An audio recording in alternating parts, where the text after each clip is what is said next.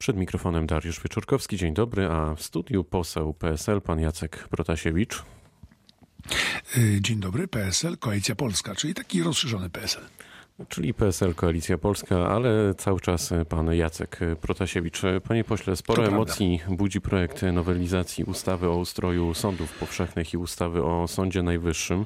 Proszę mi powiedzieć, jaki z tej całej dyskusji skłóconych bardzo mocno ze sobą polityków idzie dla Kowalskiego oraz dla naszego kraju przekaz?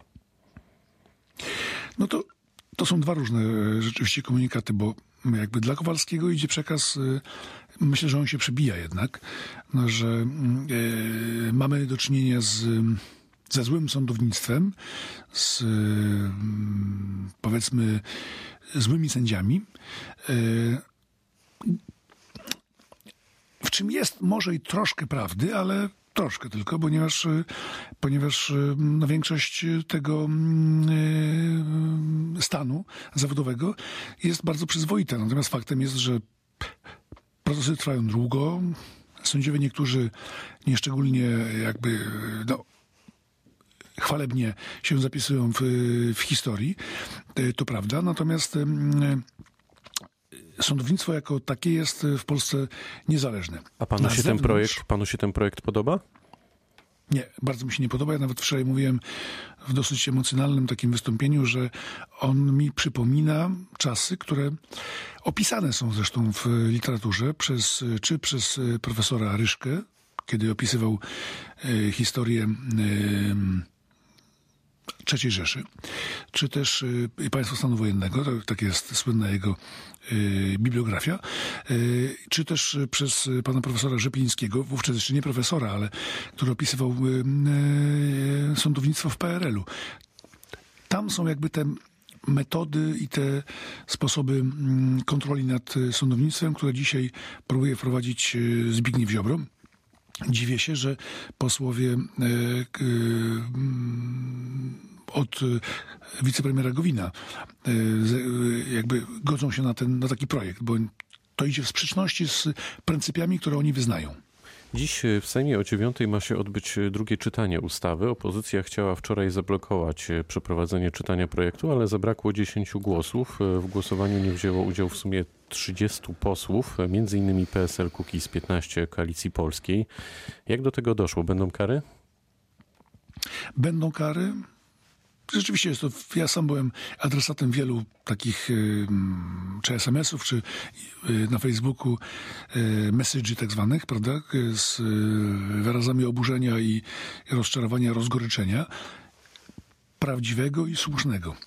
Natomiast faktem jest, że mm, akurat nie, nie chcę usprawiedliwiać moich kolegów, no bo nie mam usprawiedliwienia. Powinni być od rana w, w Sejmie i powinni by, byli głosować, no ale, ale faktem jest, że jakby największy problem chyba mają ci, którzy dzień wcześniej, wieczorem, e, na tych demonstracjach e, deklarowali walkę o wolne sądy, a następnie nie byli w stanie rzeczywiście e, frekwencyjnie pomóc w, w niedopuszczeniu tego projektu do obrad. No, myślę tu głównie o posłach Koalicji Obywatelskiej.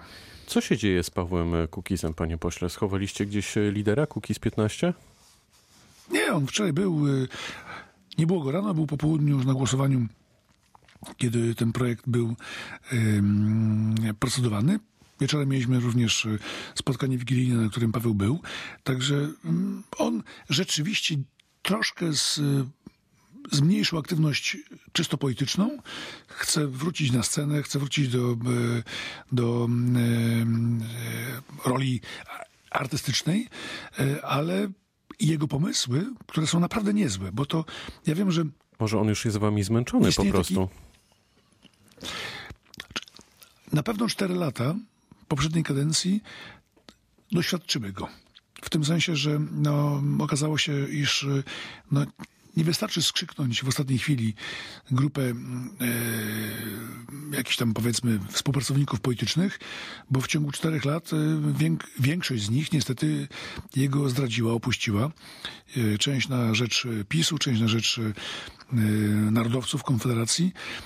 Zostało przy nim raptem chyba sześciu czy siedmiu posłów, czy siedmioro, bo to tam też są kobiety, więc jakby przeszedł przez taką ciężką szkołę życia e, politycznego. Mm, Mogło go to zniechęcić do polityki, ale ważne jest, że jego idee, bo te jego idee, czy to udemokratycznienia y, czy uspołecznienia procesu wyboru chociażby członków Krajowej Rady Sądownictwa, czy kwestie referendalne, to naprawdę one są bardzo sensowne i ja wiem, że istnieje taki stereotyp, że jak Kukiz coś proponuje, to to jest y, y, zagrożenie dla, dla demokracji, ale to nie jest. Moim zdaniem Paweł od, odczuwa, jakby dobrze wyczuwa jakby nastroje XXI wieku. Czy Y, Paweł Kukiz... Debaty publicznej, która jest jakby prawda, na Facebooku, w internecie, dużo bardziej zdemokratyzowana niż była ona w latach 80. czy 90. Jasne. A czy Paweł Kukiz, mając doświadczenie w kampanii prezydenckiej, sufluje pana Władysława Kosiniaka-Kamysza? Y, Będzie wsparciem, jestem o tym przekonany. Natomiast y, y, Kosiniak-Kamysz jest innym kandydatem niż Kukiz, prawda? Bo Kukiz był takim antysystemowym, takim rewolucjonistą, który chciał No chciał zmiany. system. Tak, dokładnie, istotnej zmiany. Kośniak-Kamysz przejął część tych najbardziej sensownych pomysłów Kukiza przejął do swojego programu. Natomiast yy, Kośniak-Kamysz z kolei jest takim, powiedziałbym, człowiekiem niezwykle kulturalnym, niezwykle przyzwoitym w takich relacjach yy, też i międzyludzkich, i co jest ważne dla polityka, i co, i, ale co najważniejsze, yy, on naprawdę chce zmiany, ale nie rewolucyjnej. Znaczy, Kośniak-Kamysz rozumie, że Polsce potrzebne są zmiany, ale że pewna rewolucja, czy to obyczajowa, czy taka ustrojowa, przez Polaków nie będzie zaakceptowana, bo my jesteśmy jednak narodem takim, powiedziałbym, no, mimo swojej wojowniczości, to jednak jesteśmy narodem ludzi, którzy szanują tradycje. A Szymon Hołownia zabierze trzeba wam część prostu. wyborców, waszemu liderowi? Nie lekceważę kandydatury y, Szymona Hołowni. Widzę też sondaże, w których ma kilkanaście procent, ale też y, no, pamiętam te wszystkie y, tak zwane zjawiska polityczne oparte na, e, na fundamencie pewnej nowości.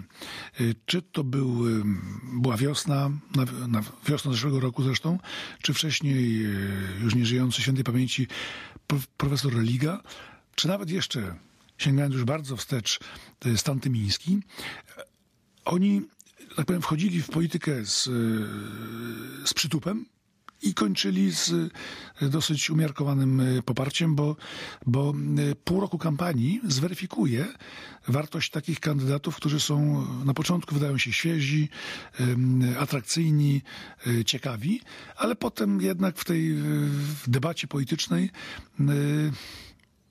ulegają.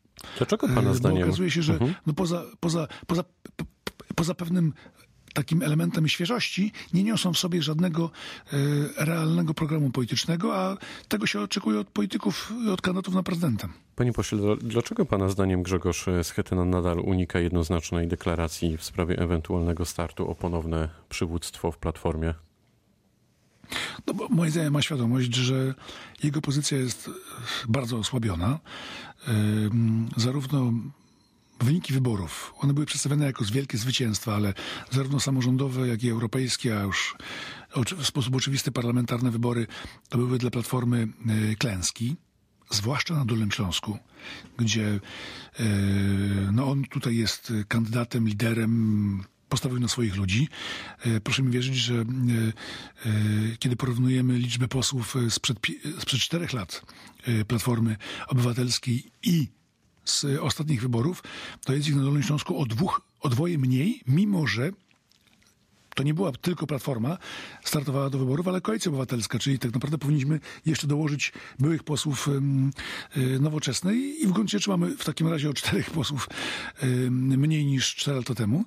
No to jest klęska. Znaczy w, w normalnym kraju, tak jak chociażby w Wielkiej Brytanii, yy, szef lejburzystów powiedział, że się podaje do dymisji. Schetyny nie stać na to, na taką deklarację. Pewnie będzie walczył do końca, no tyle tylko, i to walczył w sposób taki powiedziałbym, y, nie do końca elegancki, no bo te wczorajsze komentarze o, o, o y, młodym szefie klubu Borysie Budce, który nie dopilnował y, y, frekwencji. No ja pamiętam, że jego bliski współpracownik y, pan Neumann no też zawiódł, gdy chodziło o głosowanie nad, na, chociażby nad y, obywatelskim projektem ustawy o, y, o liberalizacji aborcji. No więc no, to wszystko jest po prostu niesmaczne, niepoważne, ale jest typowe dla Schetyny, no, tak panu powiem. Ja go znam 20 parę lat i y, w niczym mnie nie zaskakuje ta jego y, taka, powiedziałbym... Y,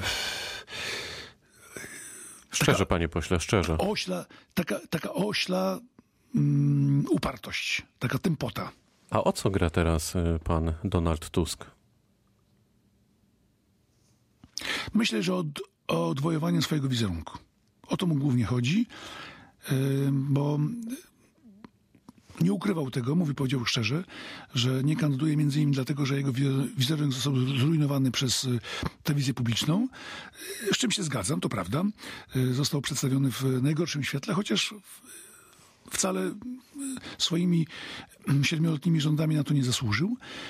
Ale faktem jest, że też wielu ludzi czuje się zawiedzionych jego postawą, czy to brakiem kandydowania w, czy rezygnacją z kandydowania w wyborach prezydenckich, czy też nieobecnością na tych demonstracjach w sprawie obrony sądów, bo wielu liczyło, że będzie, a jednak pana Tuska nie było. Więc on musi odbudować swój wizerunek. To pewnie zajmie mu trochę czasu. Powiedział pan Jacek Protasiewicz, poseł PSL, Koalicji Polskiej, który był gościem rozmowy Dnia Radia Wrocław. Bardzo dziękuję za spotkanie. Dziękuję za zaproszenie, dziękuję. Pytał Dariusz Wieczorkowski. Dobrego dnia.